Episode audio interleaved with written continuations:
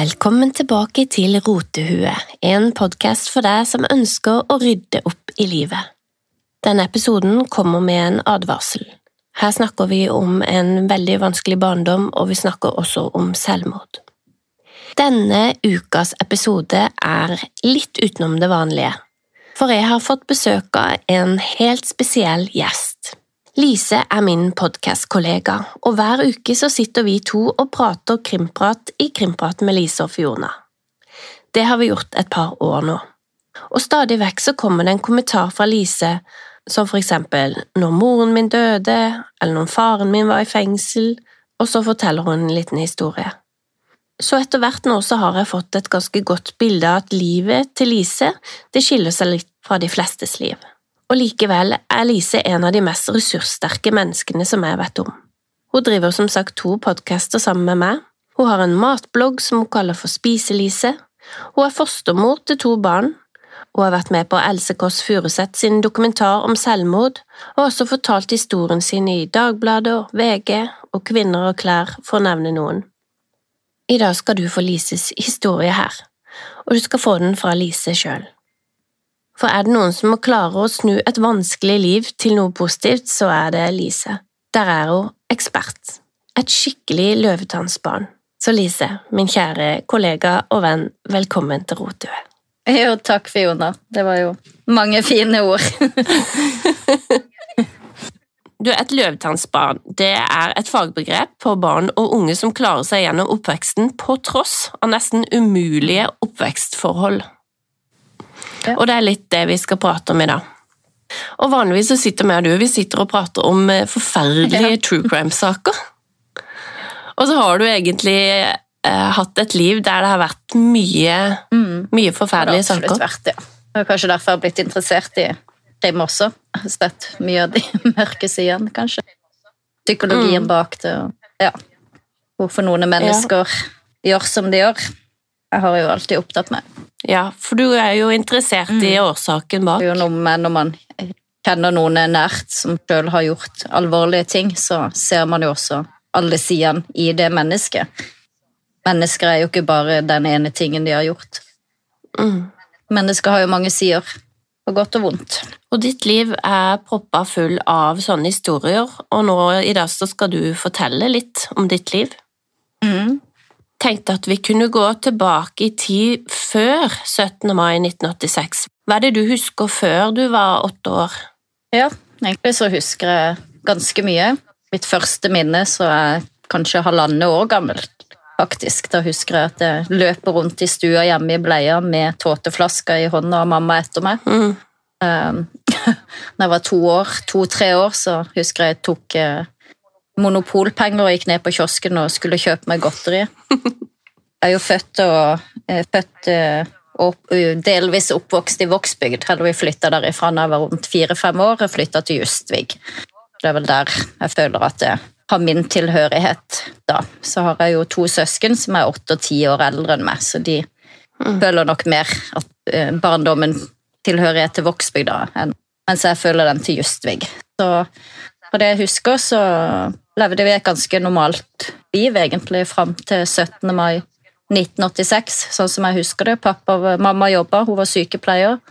Eh, pappa var ufør etter en feiloperasjon. Han hadde jo vært sjømann i mange år kokk på sjøen. Mm. Eh, så jeg var jo hjemme med han, jeg gikk jo aldri i barnehage og sånne ting. Mm.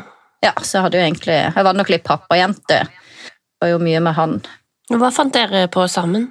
Eh, nei, Vi bodde jo langt inn i skogen. Pappa kjøpte ei hytte som han bygde om til hus. Jeg husker vi hadde utedo eh, ganske lenge i starten. Vi hadde hund, så ja, var vel egentlig bare mye ute i gården og ja, lekte med hunden og fulgte med på pappa som fiksa og bygde hus, og han var jo utrolig flink til Det var jo ikke en ting han nesten ikke klarte å få til på egen hånd. Han var jo kjent for å alltid kunne hjelpe, og kunne han det ikke, så fant han ut av det. Jeg er vel blitt litt sånn, jeg også. Jeg liker å løse ting sjøl hvis jeg kan. Jeg prøver i hvert fall. Hvordan var han som pappa da, for dere barna? Ja, altså Min, min opplevelse er jo at uh, han var en uh, grei pappa, som jeg husker. Uh, fikk nok med meg at uh, det ble drukket litt. Jeg husker en episode, men ikke, ikke noe sånn som at det var ikke daglig, eller noe sånt, men jeg husker en gang det var før huset var helt ferdigbygd. Stua var ikke ferdig ennå. Og da husker jeg en morgen for eksempel, jeg kom ned og sto han i det som skulle være stuedøra, Mm. eller inn til stua. da. Det var, ikke, det var ikke gulv, da, det var bare sånn hull ned i jorda ennå, hvis du skjønner. Da husker jeg han sto og tissa der, så da var han sikkert full. Skjønte ikke det da, men skjønte det mange år seinere. men ellers så følte jeg jo at vi hadde et normalt liv sådan. Mm. Så har kanskje mine søsken litt annen opplevelse av det. Ting som jeg ikke opplevde, eller som jeg kan huske. For du gikk vel og la deg tidligere enn de? Ja, det gjorde jeg jo. Uh, Men var det noen fester og sånn da? Eh, Det var sånn helgefester, men egentlig så kan jeg ikke huske at det var noe sånn eh, Bortsett fra den 17. mai, da, det husker jeg, men før det så, så har jeg ikke noen sånn konkrete minner at jeg kan huske det var noe sånn vill, vill festing hjemme. Men ja, de hadde jo besøk og tok seg litt eh, drikke i helgene og sånn. Og hvordan husker du din mor? Hvordan forhold hadde dere? Ja, nå rakk jo ikke jeg å bli så godt kjent med mamma. Hun jobba jo hver dag. Men jeg husker jo som Mm. snill og grei, kanskje litt stille. Jeg kan ikke huske at det var noe sånn krangling mellom eh, hun og pappa, og så har jeg også hørt av de som kjente mamma, at hun var veldig, veldig snill. De møttes jo, mamma og pappa, når de var veldig unge, og pappa sa jo alltid at mamma var hans sitt livs store kjærlighet, og første gang han så henne på, på bussen, så var det 'hun skal jeg gifte meg med'. Og sånn ble det. og, og hadde tatovert eh, navnet hennes sitt på armen og hjertet rundt. og Det er skikkelig sjømann. ja, skikkelig sjømann. Han hadde disse her typiske sjømannstatoveringene, ja. Men så skjer det noe 17. mai 1986. Mm, Det er jo året etter Bobby Socks vant, bare for å sette det i litt perspektiv. ja. Eh, Ja. Gode, gamle 80-tallet. Mm. Og um, du var åtte år. ja, eller jeg var syv år. Syv år. 17. mai 1986. Jeg ble åtte år. September det året. Mm. Mm. Og hva skjer? Det er jo 17. mai. Jeg er ganske sikker på at jeg gikk i første klasse da. Første 17. mai med skolen. Gikk første 17. mai-tog. Eh, Husker det som en eh, gøy dag, egentlig. Ikke noe sånn spesielt. Og så kom jo kvelden, og da hadde pappa de fest. De hadde gjester over. Jeg husker egentlig ikke så, så mye tidlig på kvelden. Jeg har vel eh, sikkert blitt lagt tidlig, siden jeg var ung. Men så våkner jeg jo da Mm. Jeg aner jo ikke hvor mye klokka er da. Eh, Natta. Seint på kvelden. Natta, kanskje. Rundt midnatt. Pluss minus. Eh, Jeg våkner av, av høye lyder. Eh, Du vet når noen prater i sånn der ropert, eller hva det heter. Ja. Våkner at min søster kom og la seg sammen med meg i senga. Jeg så det blinka blått utenfor, og så Ja. Hun sa et eller annet at eh, hun kom der for å passe på meg, at det gikk greit. Jeg skjønte jo ikke hva som skjedde der og da, den natta. Skjønte at det skjedde noe. Jeg husker eh, jeg så, Mm. i hvert fall har jeg et minne om at jeg ser mamma løpe opp eh, trappa gjennom soveromsdøra mi og løper inn på sitt rom. Så viser det seg jo da at pappa har skutt en kompis utenfor huset vårt i gården med hagle. Eh, Og det er min søster som kommer hjem. Hun har vært ute på fest. Hun var vel 16. 16-17. Nettopp, ja. Hun var vel akkurat fylt 16. Hun hadde vært ute på fest, kommer hjem, ser han som ligger i gården. Mm. Han ligger da på magen, har jeg forstått. Ikke helt sikker, i hvert fall så tenker hun at han sover, eller er full og har sovna i gården. Eh, og idet hun kommer inn, så ber pappa hun ringe politiet. Han sier at han har eh, skutt kompisen sin, så det er jo min søster som ringer politiet. Var det lenge etter dette hadde skjedd? Det vet jeg ikke det, om det var en halvtime eller to timer, men det er jo ja, samme kvelden i hvert fall. Så akkurat hvor, Mm. hvor lenge siden det hadde skjedd før hun kom hjem, det vet jeg jo ikke. Mm. Det har jeg heller ikke tenkt på å spørre om, faktisk. Så politiet kommer jo og tar han da med seg. Mm. Og jeg vet vel ikke, husker ikke helt egentlig på hvilket tidspunkt jeg skjønte hva som hadde skjedd, da, men jeg forsto jo at pappa var kommet i fengsel. Det ble ikke noe skoledag eh, de neste dagene. Eh, mamma gikk jo ganske kjapt inn i en eh, dyp depresjon. Husker egentlig veldig lite om mamma i den tida etterpå. Hun ble jo innlagt på det som den gang var Kongsgård psykiatrisk sykehus, som lå der på, på Lund. Hvor, hvor, lenge etter, det husker jeg ikke. Om det var dagen etter eller ei uke etterpå. Det vet jeg ikke. Eh, vi blir jo ganske Kommer ganske kjapt opp til min tante og onkel. Det var da Min tante var søstera til mamma. Var vel litt der, og så, og så var vi hjemme alene, egentlig, med min bror og min søster. Og så kom etter hvert mamma hjem i helgene, da. Men i ukedagen så har jeg forstått at det var min bror og min søster som tok vare på meg da, i den perioden. Husker du noe av hva du følte, da? Tenkte du mye? Tenkte nok litt. Eh, det jeg husker, er jo Jeg var jo veldig pappajente, så jeg savna jo han mye. Jeg husker vi var besøkte mamma på Kongsgård. Husker hun lå i senga, hun snakka ikke, hun bare lå og stirra ut av vinduet, egentlig. Mm. Ja, jeg, jeg forsto nok ikke helt omfanget av alt. Um, jeg var jo bare et barn, så jeg var jo også ute og lekte med venninner. Og, ja, og jeg husker jo når mamma var hjemme i helgene, at hun var, hun var stille. Hun var jo deprimert. Kanskje ikke helt til stede mentalt. Hadde hun vært vitne til det som skjedde? Eh, det, det er jeg usikker på om hun mm. hadde. Jeg tror ikke det. Jeg tror ikke det var noen vitner. Mm. Pappa sier jo også at han mente jo ikke å drepe dreperne, det er forstått. Nå vet jo ikke hva som er riktig eller ikke, men at det hadde blitt eh, eh noe krangling, at en egentlig bare skulle skremme, skremme kompisen, da, jage han hjem et eller annet, og så visste ikke pappa at hagla var ladd, og så gikk eh, skuddet av med et uhell og traff han, tror jeg, midt, midt i panna, midt mellom øynene omtrent, et skudd. Eh, og han var jo veldig full, hadde veldig høy promille. Mm når dette skjedde, så jeg vet jo ikke sjøl hvor mye han husker egentlig dagen etterpå av det. Eh, han ble dømt til seks år fengsel for den hendelsen. Og så skjer det noe i oktober det samme året. Ja, da er jo mamma hjemme igjen på perm fra Kongsgård. Eh, og jeg finner henne jo da død en oktobermorgen i 1986 tre uker eh, Tre-fire uker etter jeg hadde fylt åtte år, på sofaen hjemme i stua. Da har hun tatt veldig mange tabletter og, og dør av det. Så hun mente å ta livet sitt, da? Ja, det er jo det jeg alltid har blitt fortalt da, av pappa. og mm. Ja, hun var jo dypt deprimert, og det gikk en del rykter som gikk inn på at pappa hadde drept elskeren sin og sånne ting, som ikke ikke var sant, da.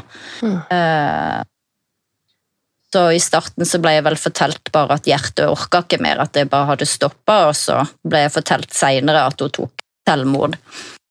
Så ja, jeg har alltid tenkt at hun har tatt selvmord, men selvfølgelig det kan jo være at hun bare ville døyve sorgene og tok masse tabletter, og så stoppa hjertet av det også. At hun kanskje ikke mente det. Men Husker du at du fant henne? Ja, det, jeg husker jeg satt jo der når mamma tok alle de tablettene, og det husker jeg jo veldig godt. For oh, ja. reagerte, jeg reagerte på at hun spiste Hun drakk så mye vann, og så oh. spiste hun mer knekkebrød enn det hun pleide. For hun pleide ikke å spise så mye i den perioden, så jeg husker jeg reagerte på det. Og så kom jo min bror hjem tidligere enn han pleier den kvelden, og det sier jo han også, han vet ikke helt hvorfor han kom hjem tidligere, for han pleide ikke det, han var jo gjerne ute med kompiser. Så jeg husker han kom hjem, og da satt jo både meg og han der eh, og så på TV mens mamma lå på sofaen. og da, Det var vel da egentlig hun døde, uten at vi skjønte det. Det kom noen lyder akkurat som ja, kunne virke som hun snorka, eller at du, sånn lyder du lager i søvne. da. Men vi har jo skjønt i ettertid at det, mm. antageligvis var da da hun døde. Ja. Og så gikk jo vi og la oss, og så var jo jeg oppe tidlig neste morgen. Våkna jo alltid tidlig. Eh, og husker jeg kommer ned, og så først jeg reagerer på, var at mamma ikke var våken, for hun var jo gjerne oppe i fem-seks-tida. Sov jo veldig lite. Hmm. Prøvde å vekke henne. Gikk ikke til å våkne. henne. husker jeg lugga henne, jeg kilte henne. Prøvde forskjellige ting. Jeg ensa vel ikke der og da at hun var blå og kald. Men jeg husker jeg tenkte at eh, nå er mamma død, for jeg fikk ikke våkne av henne. Uh, og så husker jeg jeg satt meg på sida akkurat idet jeg liksom skulle til å begynne å grine fordi jeg tenkte mamma var død, så var det akkurat som jeg hørte et sånn der utpust. Ah. Jeg vet ikke om jeg skal forklare det, akkurat bare hørte akkurat som nesa pusta ut. da. Og da tenkte jeg ok, er hun våken, eller et eller annet. I hvert fall så stoppa tårene, da. Men så skjønte jeg jo likevel at noe var galt, så på et tidspunkt så går jeg opp og vekker min søster eh, og sier til henne at jeg tror mamma er død. Mm. Og hun bare nei, så snur hun seg rundt og sover videre, for hun hadde jo kommet seint hjem. Eh, Og så etter hvert så står jo min bror opp, og han skjønte det vel. Sikkert så fort han kom ut i stua, tror jeg. Eh, Så tror jeg han ringte da til min tante og onkel, altså søstera til mamma og mannen hos sin. Og så kommer han ned, og ja, han ser jo også det med en gang, og så kommer jo ambulanse og politi, og ja, vi står i ganga og skjønner jo da at hun er død. Mm. Mm. Og hva skjer med dere barna da? Eh, Det som skjer da, er jo at vi blir med til min tante og onkel. De bodde jo også på Justvig. Husker at vi var der i starten, og jeg blir vel værende der, mens eh, en, eh, en onkel, som da var broren til pappa, flytter inn i barndomshjemmet og er der for å passe huset og er der med de eldre søsknene mine, mens, mens jeg bor da hos søstera til mamma Mm. begynner etter hvert igjen eh, på skolen. Går ut av andre klasse, bor vel der et halvt år. Og så blir jeg jo flytta videre da til ei annen tante til søstera til pappa og hos sin mann. Da hadde jeg tre barn fra før, altså to kusiner og en fetter, som var kusinene Hun ene var like gammel som meg, hun andre to år yngre, og så var det min fetter som var fire-fem år yngre enn meg igjen. Ja, hun bor vel egentlig der et år, Mm. før jeg da flytter hjem igjen til barndomshjemmet med en ny kjæreste som pappa har fått mens han er i fengselet. Han prøver jo også å ta livet av seg i fengselet og klarer det nesten, men blir jo redda, og det var jo ikke så lenge etter at mamma hadde dødd. Kom han jo aldri over, egentlig. Og hva slags oppfølging får du og dine søsken på den tida? Ingen. Er det på det tidspunktet noe barnevern inne, eller Nei. psykologer? Nei, ingenting. Det er jo familien tar seg av meg, da tante og onkel, og så ja, er det jo min onkel som bor sammen med mine søsken, som da er blitt eh, nærmere, altså snart voksne, 17 og 18. Så de, Men fikk du snakke om det som hadde skjedd? det kom ikke inn noe hjelp, jeg tror ikke de heller fikk noe noen å snakke med, eller Snakka du med familien? Var dere åpne? Nei, eller Nei, vi snakka ikke så mye om det. Jeg ble jo Jeg mista jo på en måte Jeg ble jo Altså, jeg mista jo både mamma og pappa og søsknene mine på et vis. Sånn sett på en Mm. gang, fordi jeg ble flytta til en annen tante og onkel. De lever jo begge i dag, Mm. men det var ikke så veldig greit der det året jeg bodde der, da. Si det sånn, så Mm. det var nok mer ødeleggende enn det var til hjelp, i hvert fall, for å si det sånn. Og hvem var denne kjæresten som du da etter hvert flytta inn med? Ja, dette var jo Jeg er ikke helt sikker på hvordan han møtte hun når han satt i fengsel, da. Men dette Mm. var jo ei som eh, hadde tre barn fra før. Eh, Både to sønner som var en på min alder og en som var ett eller to år yngre, som allerede da bodde på barnehjem i Arendal, husker jeg. Hun hadde mista Mm. omsorgsretten for, og så hadde hun en eldre sønn som, som hun bodde med. Så jeg bodde jo med henne, da. Hun hadde jo rusproblemer og drakk mye og spiste mye tabletter og ja, Okay. reiste mye på byen på natta og ja, hun var Pappa var jo hjemme på perm i helgene.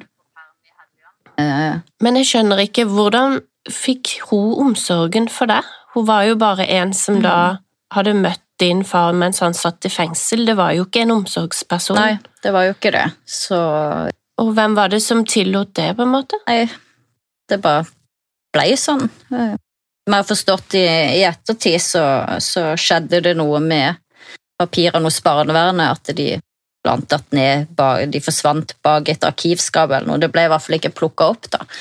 Så når ikke jeg kunne bo, mer hos tante og onkel, så ble det løsninga da, at jeg flytta hjem. til barndomshjemmet pappas nye kjæreste. Og så var jo han hjemme på perm i helgene fram til han kom ut på godt. Og hvordan var det da når han kom hjem? Nei, da var det jo stort sett uh, full uh, fylla, og de uh, krangla mye, sloss mye. Ja, det var mye bråk i helgene. Mm. Ja, husker eksempel en morgen jeg gikk til skolen, så fant jeg sparebørsa mi tom i veikanten. Da hadde Oi. hun kjæresten tatt den, da. For jeg husker jeg drev og sparte til en sånn en lurer på om det var en håndballtur eller noe vi skulle på. I hvert fall så skulle jeg få like mye av pappa som jeg hadde klart å spare sjøl. Da hadde hun Mm. tømt den og reist på byen, da. Det var jo ikke all verdens på han, men ja, det var jo mye for meg. Ja. Ja, men det var sånn hun var da. Og så var han jo rimelig gal, han eldste sønnen som bodde med oss også. Og nå er du ni-ti år. Ja, da var jeg rundt ti år. Nei, kanskje ti-elleve år, faktisk. ja. Mm. Mm. Da jeg bodde ett år i, i Søgne, hvor jeg, jeg gikk på en annen skole. og når jeg da flytta tilbake igjen til Justvik, så kom jeg jo inn igjen i den samme klassen som jeg hadde gått i første og andre klasse. Mm. Og hvordan eh, Var det noen der som støtta deg? Var det noen gode lærere, eller Ja, det var det. Jeg husker spesielt hun eh, som var klasseforstanderen min. Hun var veldig grei, og hun følte meg veldig trygg med, og jeg var også der og overnatta ja. eh, noen ganger. Så hun følte jeg liksom tok meg litt ekstra under, under vingen. Mm. Og så ble det vel ikke snakka så mye om, men alle visste jo hva som hadde skjedd. Justvik er et lite sted, og det, dette var jo i nyhetene, og i den tida så Mm. var det ikke kanskje så vanlig i dag som i dag, med sånn type drap på fest og ja, Mm. alt som skjedde. Så ja. Så faren din, han, eh, han er en periodedranker, eller han kommer jo ut fra fengselet i 1990, Mm. eh, og da er Da bor du med han og kjæresten, og Mm. sønnen fremdeles, og det er Ja. mye uro. ja, mye uro. Mye Og han er ulykkelig, egentlig. Han Ja. har sorg. Det er jo det. Så mye, mye fyll og mye utrygghet, mye slåssing. Ganske kaotisk. Jeg husker jo vi var på noen turer til Danmark og Sverige hvor de begynte å krangle, og den ene gangen knuste hun kjæresten eh, hyttevinduet. og Mm. ja, jeg husker hun la uh, walkmanen min under bil, uh, bildekket, sånn at pappa skulle kjøre over den og ødelegge den. Og hun var ganske sånn ond på den måten, da. Mm. ja. Og du beskriver også at han prøvde å ta livet sitt flere ganger i den perioden. ja, eller egentlig hele oppveksten. sånn Etter han kom ut av fengsel, så var det flere ganger i fylla hvor han måtte ta fra han hagla eller snakke han fra Mm. Ta livet sitt. da. At du snakka han fra å ta livet sitt. Ja. Oi. Husker du hvordan, hvordan, hvordan var du da? Hvordan ble du påvirka av dette? Hvordan, du, hvordan klarte du å overleve det, på en måte? Ja. Måtte du være tøff? Var du sårbar? Var du en som åpna deg for andre? Husker du noe om hvordan du sjøl takla det? Jeg, jeg, jeg skjønte såpass at eh, det, det var jo på en måte vil jo ikke at alle skal vite hva som skjer, på et vis. Politiet kommer jo ofte hjem til oss. Sånn, hvis det var når de hadde slåss, eller hvis uh, Kjæresten ringte jo ofte politiet på pappa. Uh, og i og med at han hadde den dommen han hadde, så skulle det ikke alltid så mye til før han ble arrestert da, og satt, satt inn. Uh, så hun Ja. kunne jo gjerne mitt, Sånn som jeg husker det, var det jo hun som eh, var stygg med pappa, klorte han opp og han mer eh, beskytta seg sjøl, da, mens Ja, men det var jo han som fikk skylda, så en gang ble han for eksempel eh, arrestert rett før jul og sånn, på grunn av henne. Men det var, jeg husker jo det var, jeg var jo utrygg, jeg var mye redd, jeg var mye lei meg.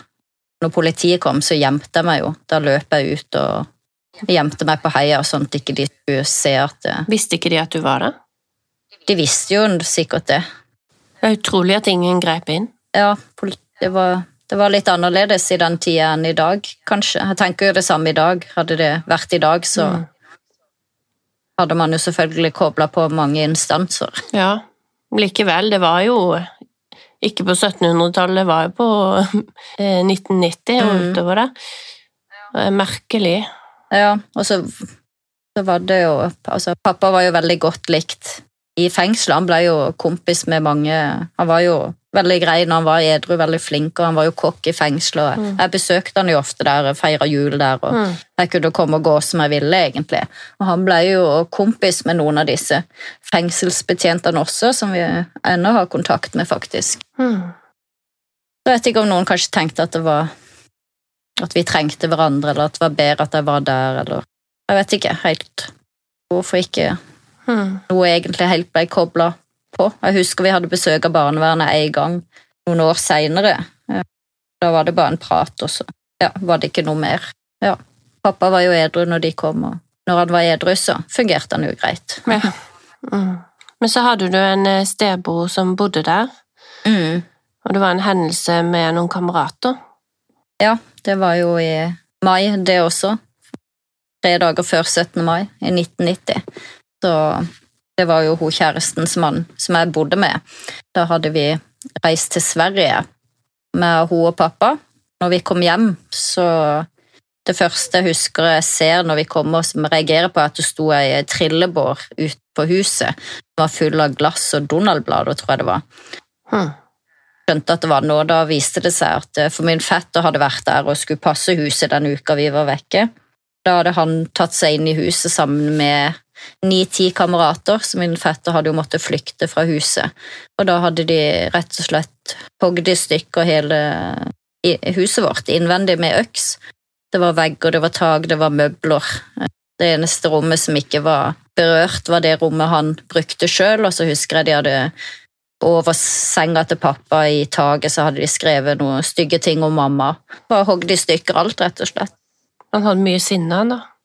Han hadde mye sinne. Han var Ja, han hadde vel ikke noe sperrer, han var satanist. Han hadde jo rent inn et opp-ned-kors på armen med en sigarett.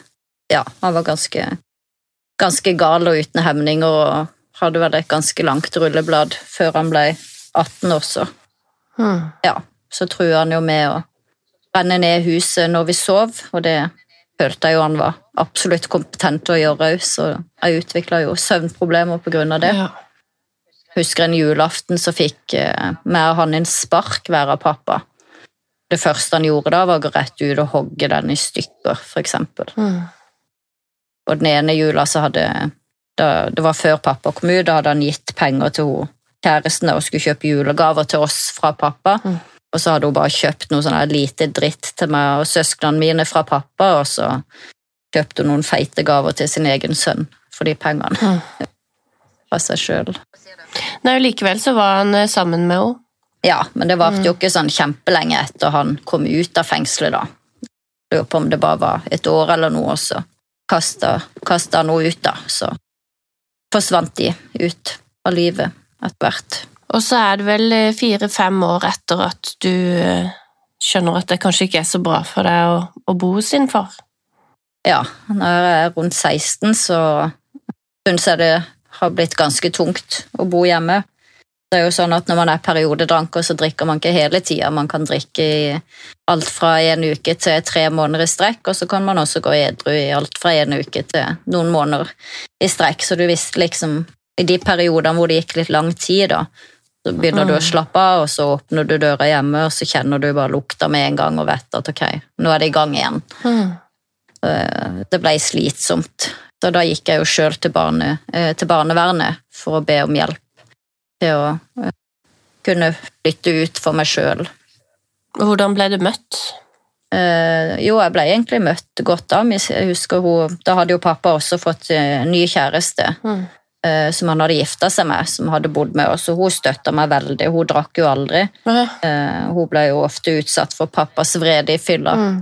Vi ja, gjemte oss ofte sammen på rommet eller støtta hverandre. Men hun ble jo med meg til barnevernet og bekrefta hvordan ting var. Uh, så da fikk jeg flytte først til en sånn en var vel en slags fosterfamilie, kanskje ikke helt men jeg fikk bo i kjelleren hos de, så de hadde på en måte ansvar for meg også skulle jeg spise middag med de og sånne mm. ting. Eh, jeg husker at det syntes jeg var ukomfortabelt. Eh, der og da følte jeg meg mer enn voksen nok til å kunne egentlig klare meg sjøl.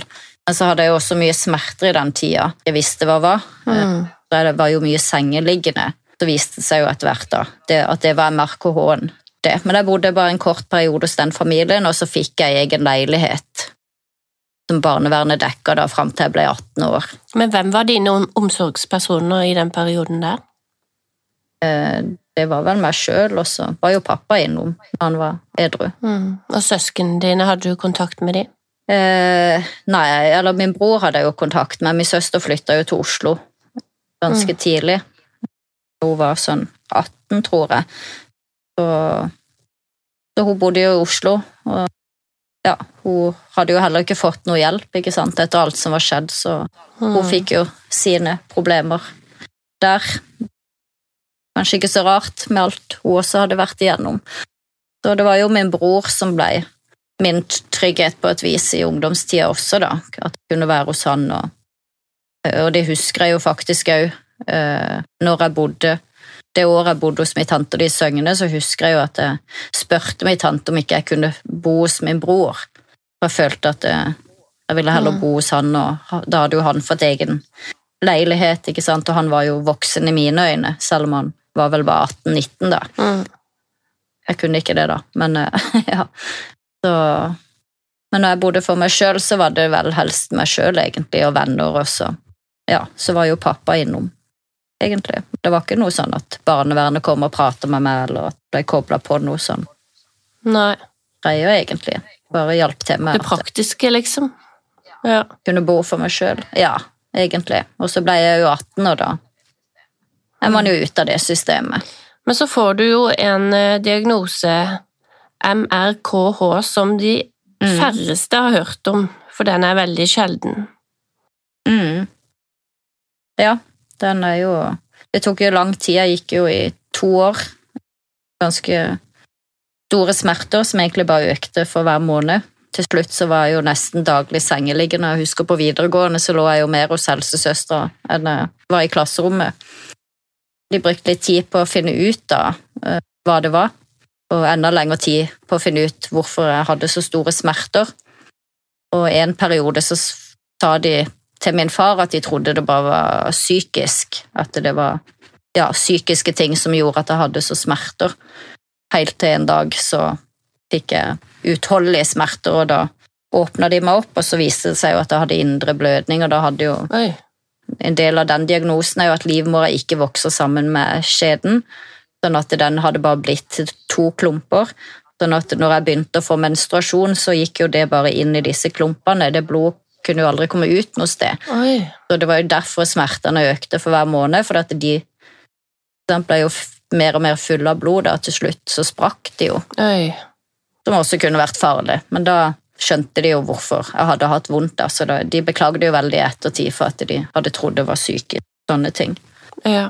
Og da fikk jeg vel heller ikke noe navn egentlig på den diagnosen. Det, jeg fikk jo beskjed om at det var sjeldent, det var sånn én av én million Mm. som hadde dette, så jeg trodde jo i ti år at det, det var meg og kanskje ei til i Norge som hadde dette. Ja. Så begynte jeg å google litt, og kom i internett etter hvert, og så fant jeg noen engelske sider, eh, og så fant jeg ut at dette het MRKH, og så ja, starta jeg jo etter hvert da en organisasjon, og, og skjønte etter hvert at det er en av 5000 som blir født med dette.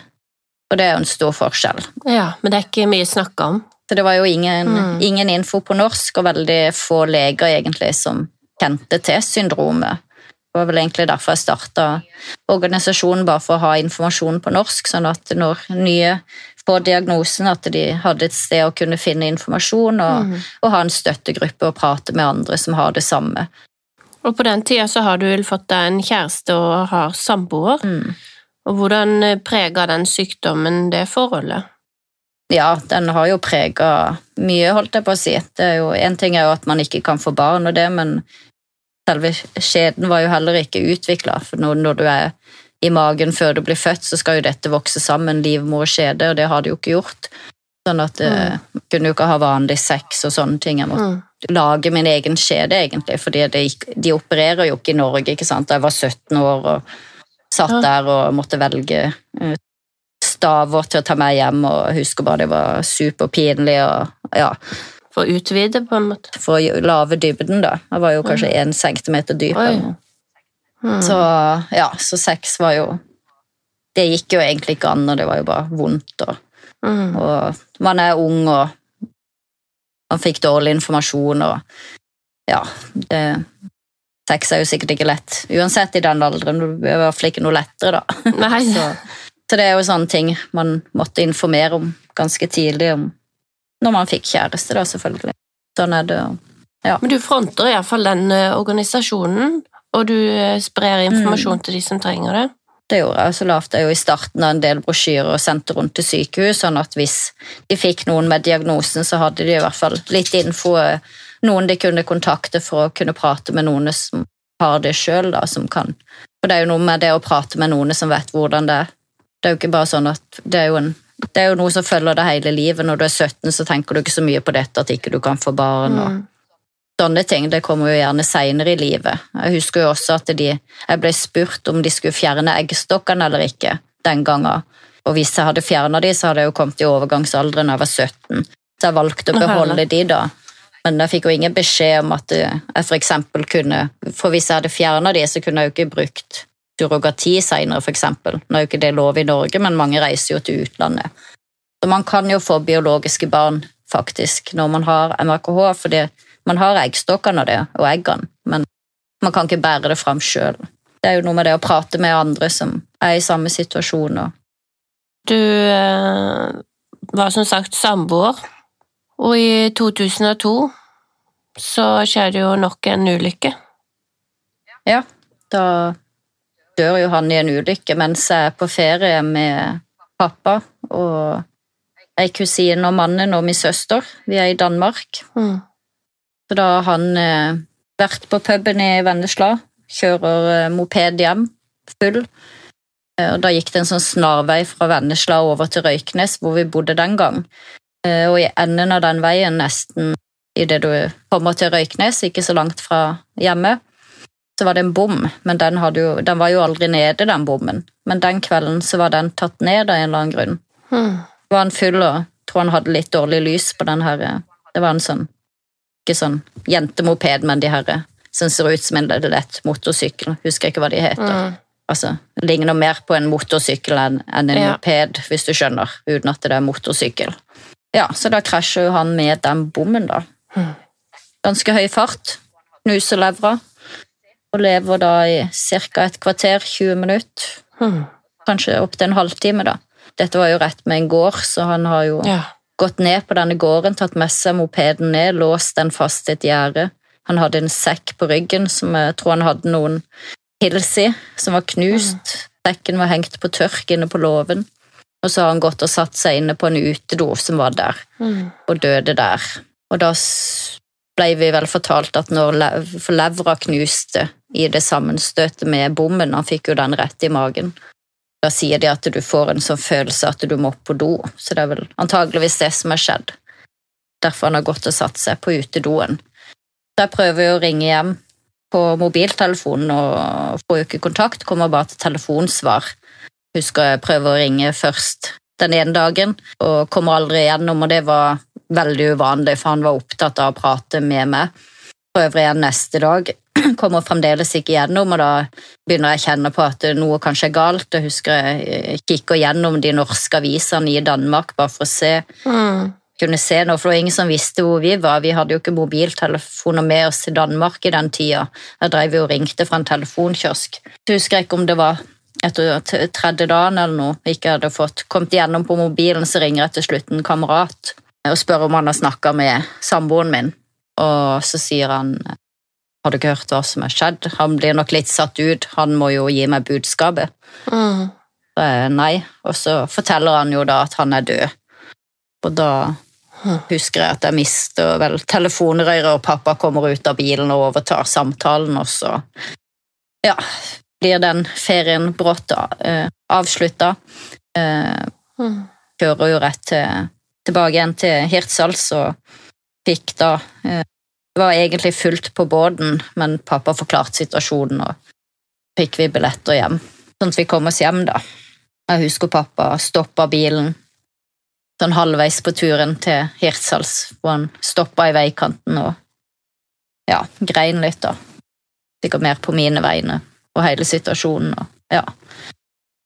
Så da var det hjem, kom i land, ble møtt av venninnene mine, og så var det vel, eh, omtrent rett opp på sånn syning, da, hvor jeg fikk se han i Mm. Og da er du alene igjen. Da har jo du hatt Ja. en samboer i noen år, da. Ja. Fire år. ja, fire år hadde vi vært samboere da. Mm. Og husker du hvordan du hadde det, da?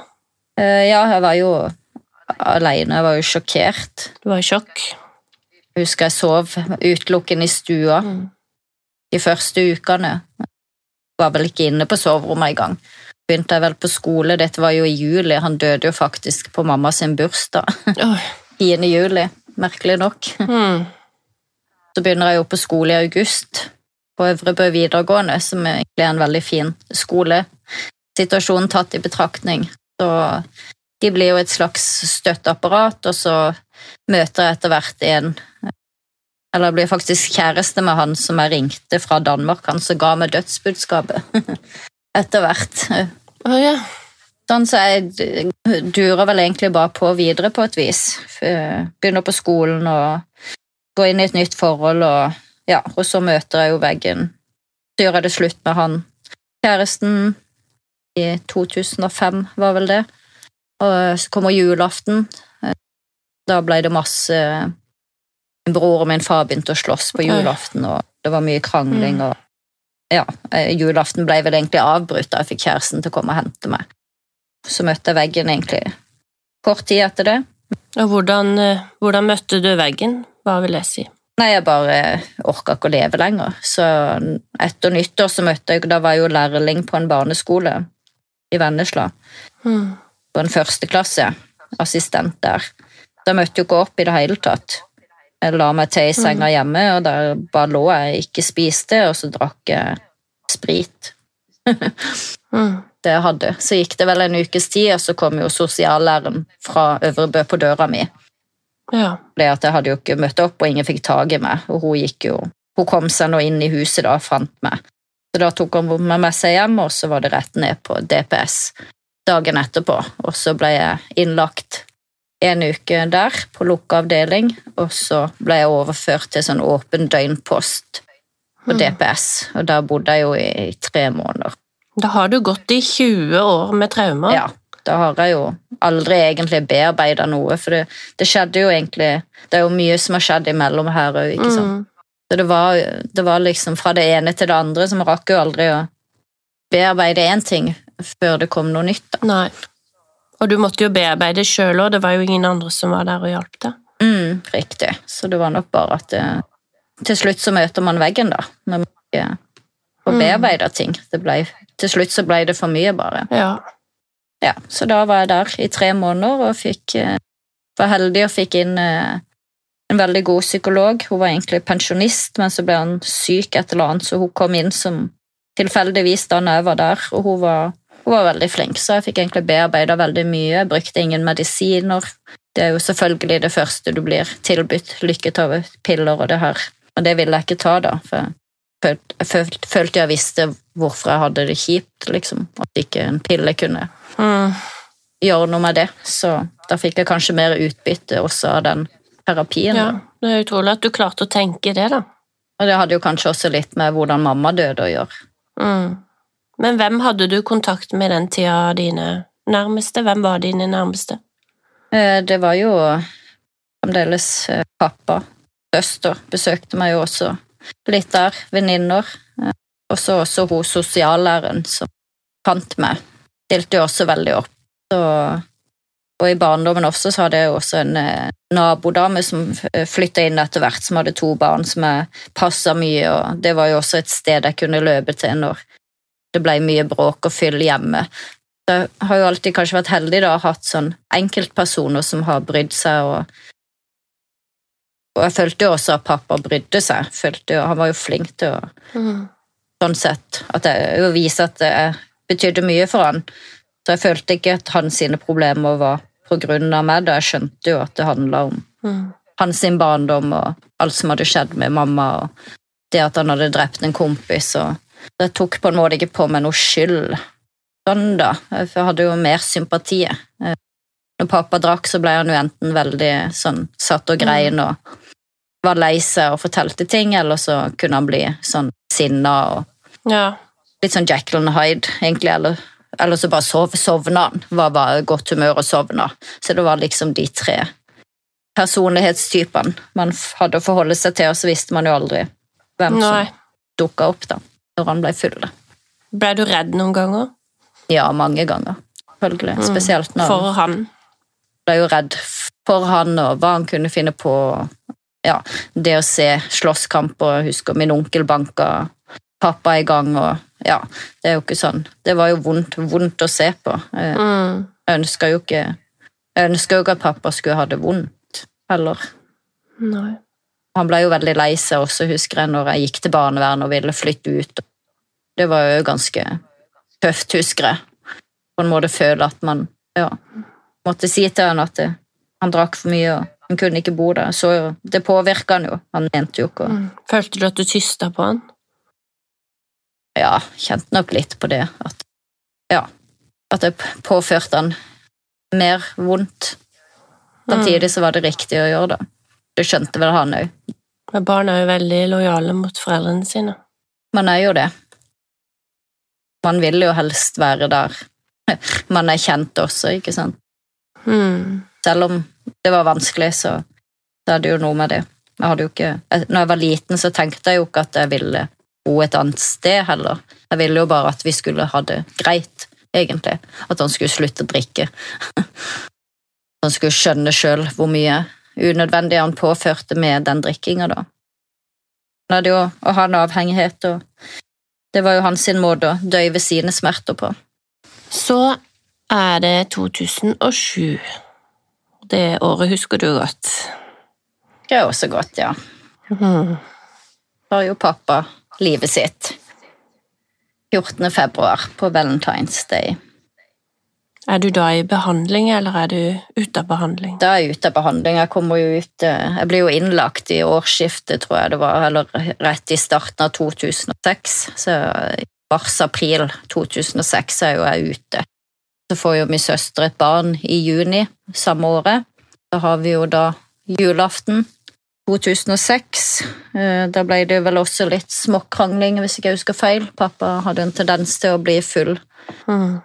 Drakk jo akevitt til julemiddagen, så ikke, han tålte ikke så mye. Litt som jeg tålte, kunne lukte på korken omtrent. Sprit var jo ikke bra for han, så, så det var jo ikke en koselig julaften, og så var han en del på fylla etter jula, da. Da var han blitt kjæreste med ei ny dame igjen, han var jo skilt fra hun forrige, så hun hadde jo reist til min søster Ja. Det at eh, han var på fylla. Så han ringer jo meg rett før han tar livet sitt den kvelden, og jeg vet jo at han er full, så jeg lar være å ta telefonen, for jeg orker ikke å være hobbypsykologen den kvelden. Så ja, så da gjør han det, da. Da skyter han seg hjemme i stua og blir funnet av naboen dagen etterpå. Mm. Hvordan takla du det? Mm. Eh, nei, det var, jo, det var jo sjokk. Samtidig så var det jo ikke noe overraskelse. Som sagt, han hadde jo prøvd flere ganger før, så Mm. Det, det kom jo ikke helt ut av det blå, eh, selvfølgelig. Men jeg var jo veldig glad i pappa, så, så jeg var innlagt. Jeg ble innlagt sykemeldt fra jobb, og så ba jeg om hjelp, så da var jeg innlagt på Solvang DPS i to uker. Mm. To uker. Ja. Det er ikke lenge. Nei, det var bare for å ja, bearbeide litt, da. Ja, men ja, nei, det, det var jo tøft. Det, det var det. Kunne du kjenne på en eh, viss lettelse òg, eller?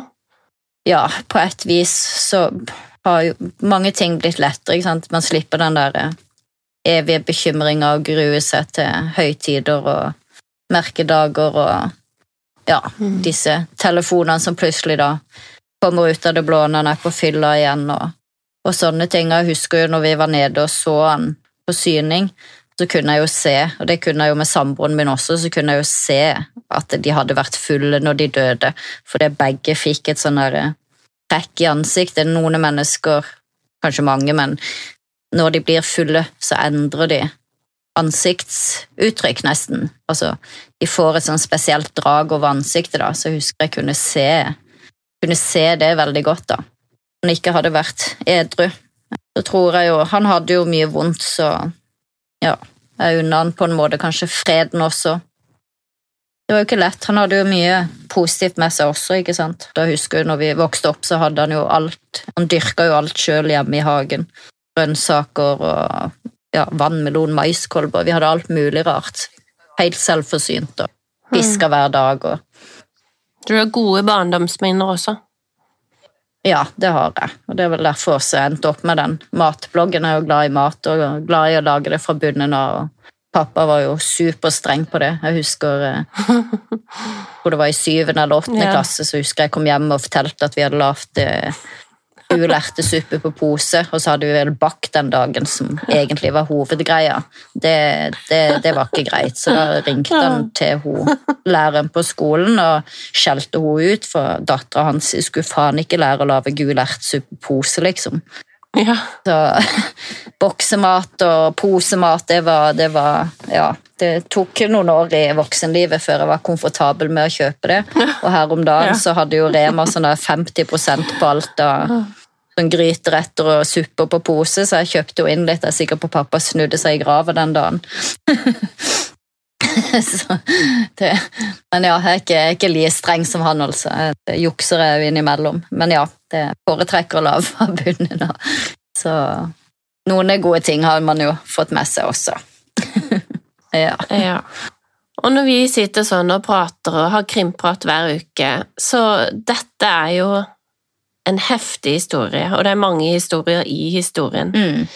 Men du har jo gang på gang så kommer det at en venn har tatt livet av seg, og så var det noe bråk hos noen naboer som eh, hadde noe dødsfall der. Det, var, det er så mange sånne drypp du kommer med når vi har krimprat, Mm. At, at ting som ikke blir nevnt her nødvendigvis, men som du har opplevd. Mm. Ja, det er jo Og du hadde en god venn som tok livet av livet av seg i 2014, og det er jo bare syv år etter din far igjen tok Ja. livet av seg. Så det er veldig mange hendelser som de fleste hadde blitt knekt av. Ja, det, er jo, og det var jo derfor jeg også var med i den dokumentaren til Else Kåss Mm. om selvmord. Eh, Ja, det er jo Broren til pappa tok jo også livet av seg da jeg var ung. Jeg har jo mange venner som har tatt livet av seg, og sånn totalt i livet mitt så har jeg jo vært i over 40 begravelser. Oi. Og det er jo ganske mye, og da er det jo også begravelser jeg har valgt å ikke gå i, så det kunne vært flere. Ja. Så nesten alle har jo dødd. Veldig få har dødd naturlig, da. Det har vært ulykker. Har, den ene broren til pappa ble jo påkjørt av en buss bakfra. Fikk speil i bakhodet. Døde. Var derfor jeg nevnte det i den vi spilte inn før i dag, i Krimprat. Mm. Eh, han andre broren, han som, eh, han som bodde med min søster og, og min bror når, eh, etter mamma døde, han brant jo inne Ja. for eksempel. Så ja. Det har vært mye sånn unaturlig og ulykker og ting som kommer brått og uventa på. Mm. Mm. Ja, så er det det uttrykket 'if life serves you lemon, make lemonade'. Men eh, Mhm. her får du servert så mye at eh, de fleste hadde ikke klart å lage noe som helst ut av det, men likevel så er du så ressurssterk. Og jeg syns det er så gøy å kunne sitte med deg hver eneste uke og prate med deg og bli mer og mer kjent med deg. Og så tenker jeg bare, hvordan i all verden er du så oppegående og så ressurssterk? Hvordan har du klart deg så bra i livet? Ja. Og det er jo et spørsmål jeg har fått mange ganger, og som egentlig ikke er så lett å svare på. Mm. Eh, Det jeg tenker i dag, det er nok veldig sammensatt hvorfor man blir sånn. Én ting er nok at jeg var så ung når de første tingene skjedde, at eh, når du er åtte år, så du ikke, havner du ikke så lett ut på rusmidler for å døyve smerten. da. Du må på en måte, du lærer deg altså, du må jo bare håndtere det på et vis. Eh, og så er det jo enkeltpersoner, selvfølgelig, som har vært der innimellom.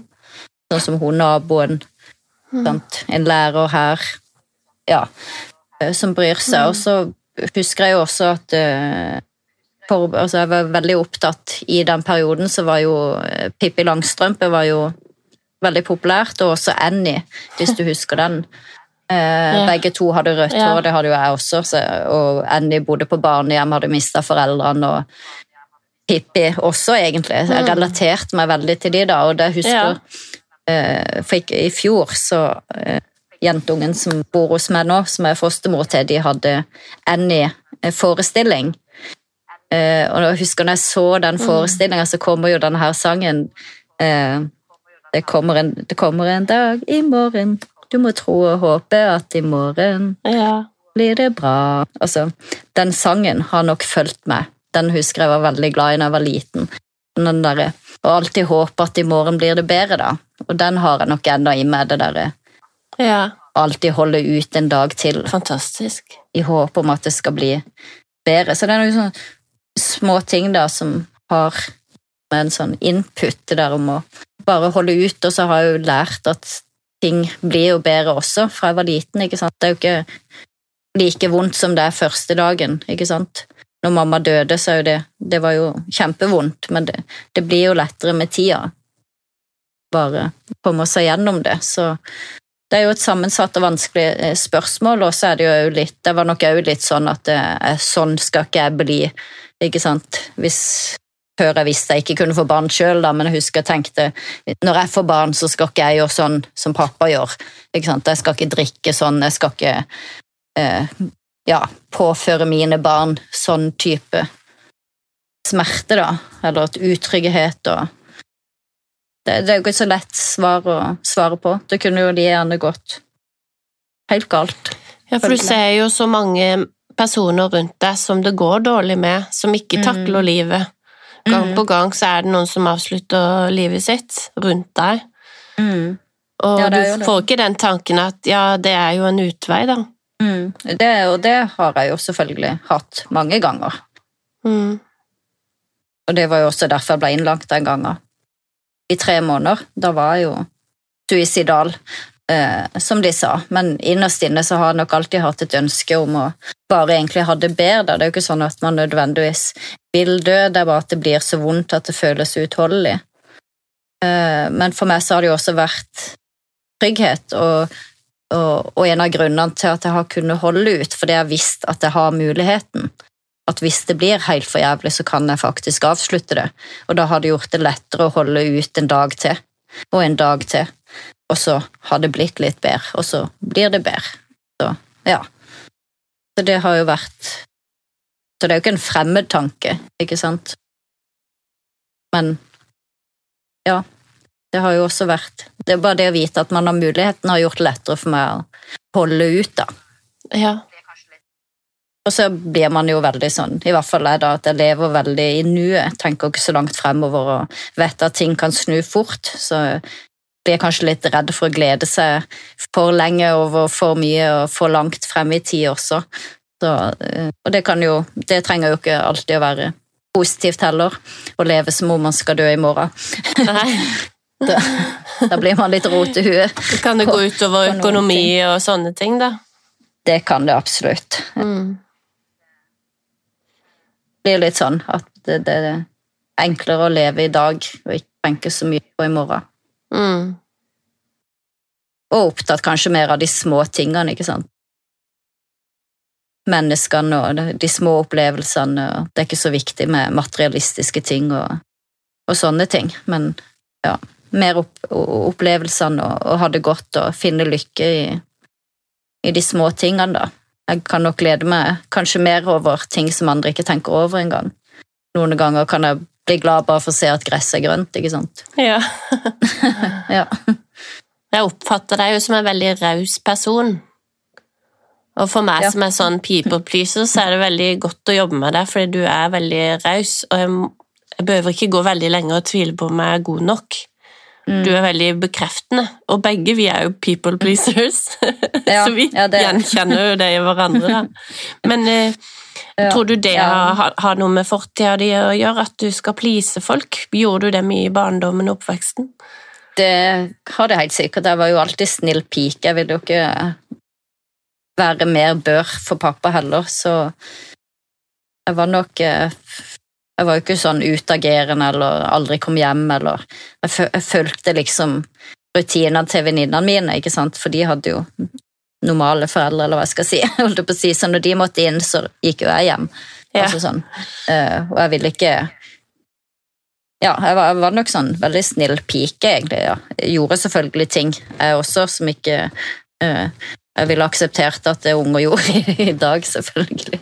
Begynte tidlig å drikke og sånn, men jeg følte allikevel at jeg alltid passa på meg sjøl. Det var ikke noe sånn som var unødvendige problemer. Så ja, og liker ikke å se at folk har det vondt, og liker å hjelpe hvis jeg kan. og har jo kanskje større forståelse for mennesker, da, at man kan gjøre, gjøre ting uten at det betyr at du er et ondt menneske, eller ja, prøve å se det gode i folk og Men var du snill med deg selv? Fikk du på en måte, Gikk det utover forholdene dine? Eh, valgte du deg menn for eksempel som behandler deg dårlig? Følte du at du fortjente å ha det bra, eller, eller straffa du deg selv? For det kan jo være vanlig for mange. jeg, jeg føler ikke at jeg bevisst gjorde det, i hvert fall. Men, eh, men ja, jeg kunne nok valgt eh, litt bedre kjærester underveis. Eh, Mm. Det var nok sånn at det kunne være lett, lett å finne seg i ting. Mm. Og, og det å såre andre og sånne ting er jo Ja, det syns jeg er veldig vanskelig. Det kjenner vel du òg litt igjen. Det litt av det å være sånn people pleaser. At man, det Mm. er vanskelig å si nei til ting. Ja. Ja. Så ja, følte jeg vel kanskje òg at jeg var litt sånn vet ikke si, Nederst på rangstigen da i samfunnet, kanskje. På et vis. Med man ikke var de, Oppveksten handla jo mer om å overleve, egentlig. Men ja, Ja. det handler ikke om eh, utdannelse og hva man skal bli i livet og hva er lurt å gjøre og de her tingene. Det var mer bare å eh, overleve, egentlig. Mm, ja, mye sånn mm, som andre ikke hadde, da. Altså, ja. Det at man var fattig, og pappa drakk mye, og alle visste det, og ja. Som ikke noe skolegeni i den forstand. Street smart og ikke book smart, som de sier. Og det var vel mye skam også knytta til det at politiet kom hjem til dere, og Det har jeg nok kjent litt du på. gjemmer deg. Mm. Ja, kanskje ikke har vært verdig. Veldig verdig, da. Men i voksen alder nå, har du gått til noen nå og snakka med noen, bearbeida ting, eller har du bare de, de ressursene i deg sjøl til å leve det livet du gjør? Ja, altså, de, nå i voksen alder så har jeg jo ikke så veldig mye. Eh, hvis det blir sånn veldig ille, så har jeg ikke noe problem med å oppsøke hjelp. Jeg er jo ofte min egen psykolog, og det har jo også vært psykologer som ikke har følt at de har kunnet hjelpe meg av det, fordi jeg har hatt såpass god selvinnsikt og vært så bevisst på hva problemet er, og hvorfor, hvorfor det er som det er. og det, det har liksom ikke vært noe de har trengt å nøste opp i. Så for meg så har det vel handla mer om det å bare kunne prate om det, for det tror jeg hjelper. Og så har jeg skrevet veldig mye. Og mye tanker på nettene, og i mange år så kunne jeg stå på nettene og bare skrive ut tanker og følelser, og det er jo noe jeg vil anbefale. Det å snakke, det å skrive, bare få det ut istedenfor å gå med det inni seg.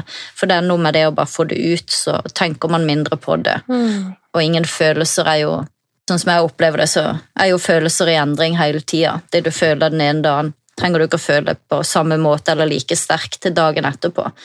Jeg, tror det er viktig å ikke gå for lenge med ting bare inni seg. da. Bare få satt ord på det og få det ut og på et eller annet vis. Mm. Og du har jo vært eh, stilt opp og fått delt din historie i forskjellige aviser og blader og sånn også, så du har jo sikkert hjulpet Mm. veldig mange med å kunne dele noe som er ja, vanskelig og skambelagt, og det er jo en helt unik historie, det du har.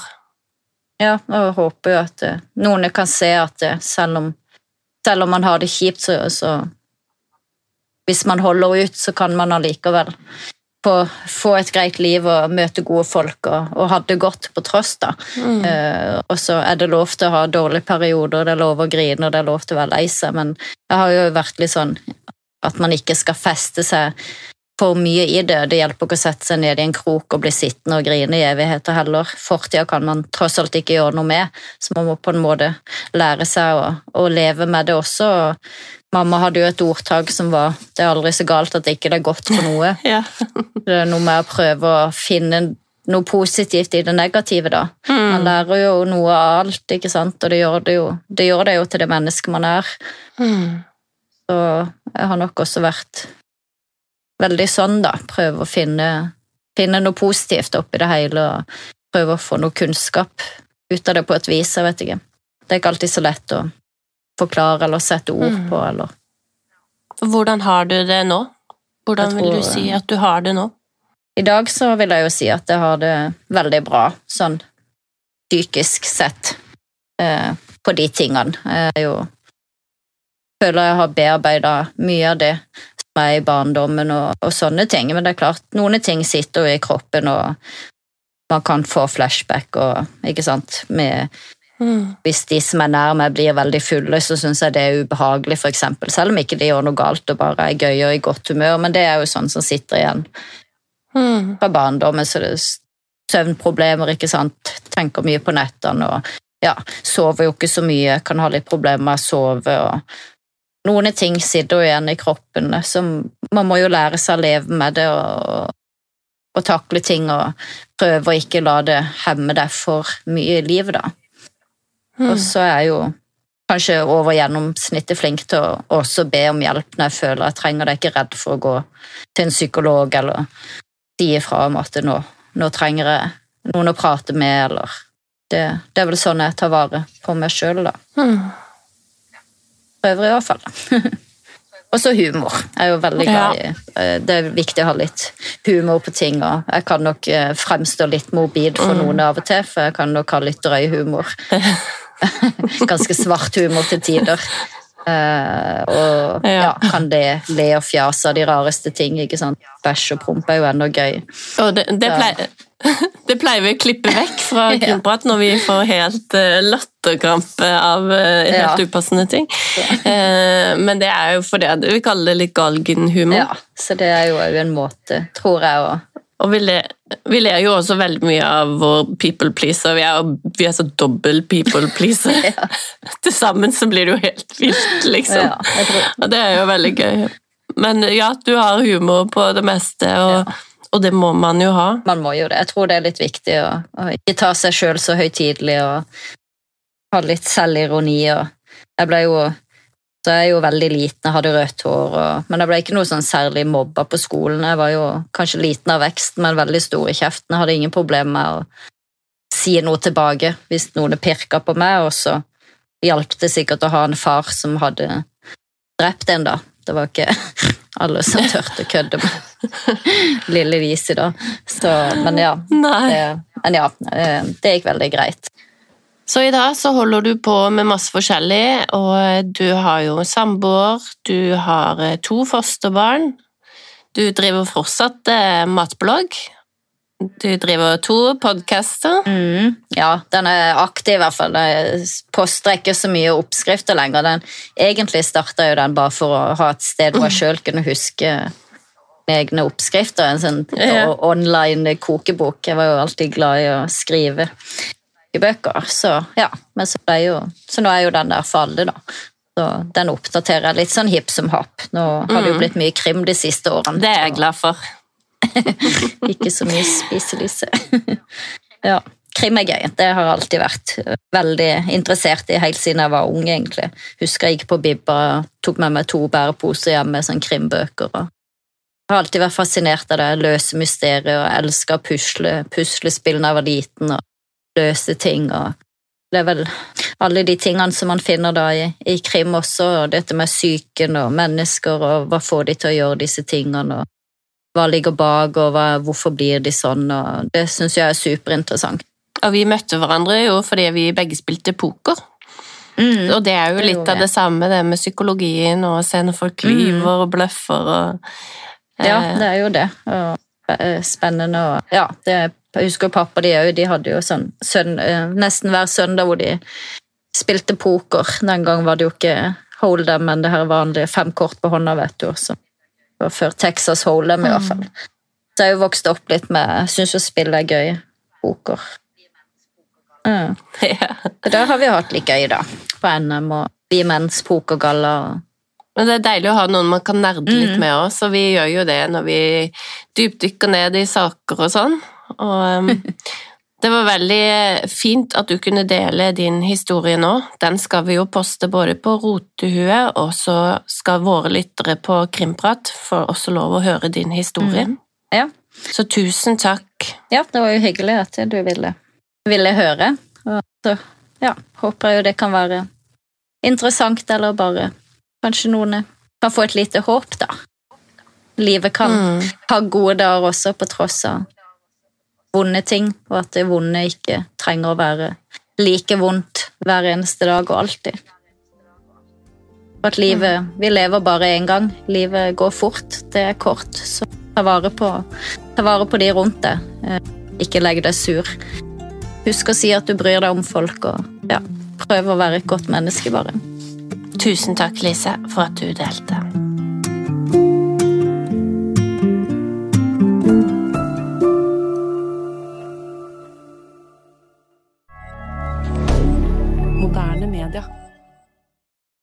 Har du et enkeltpersonforetak eller en liten bedrift? Da er du sikkert lei av å høre meg snakke om hvor enkelt det er med kvitteringer og bilag i fiken, så vi eh, gir oss her, vi. Fordi vi liker enkelt. Fiken superenkelt regnskap.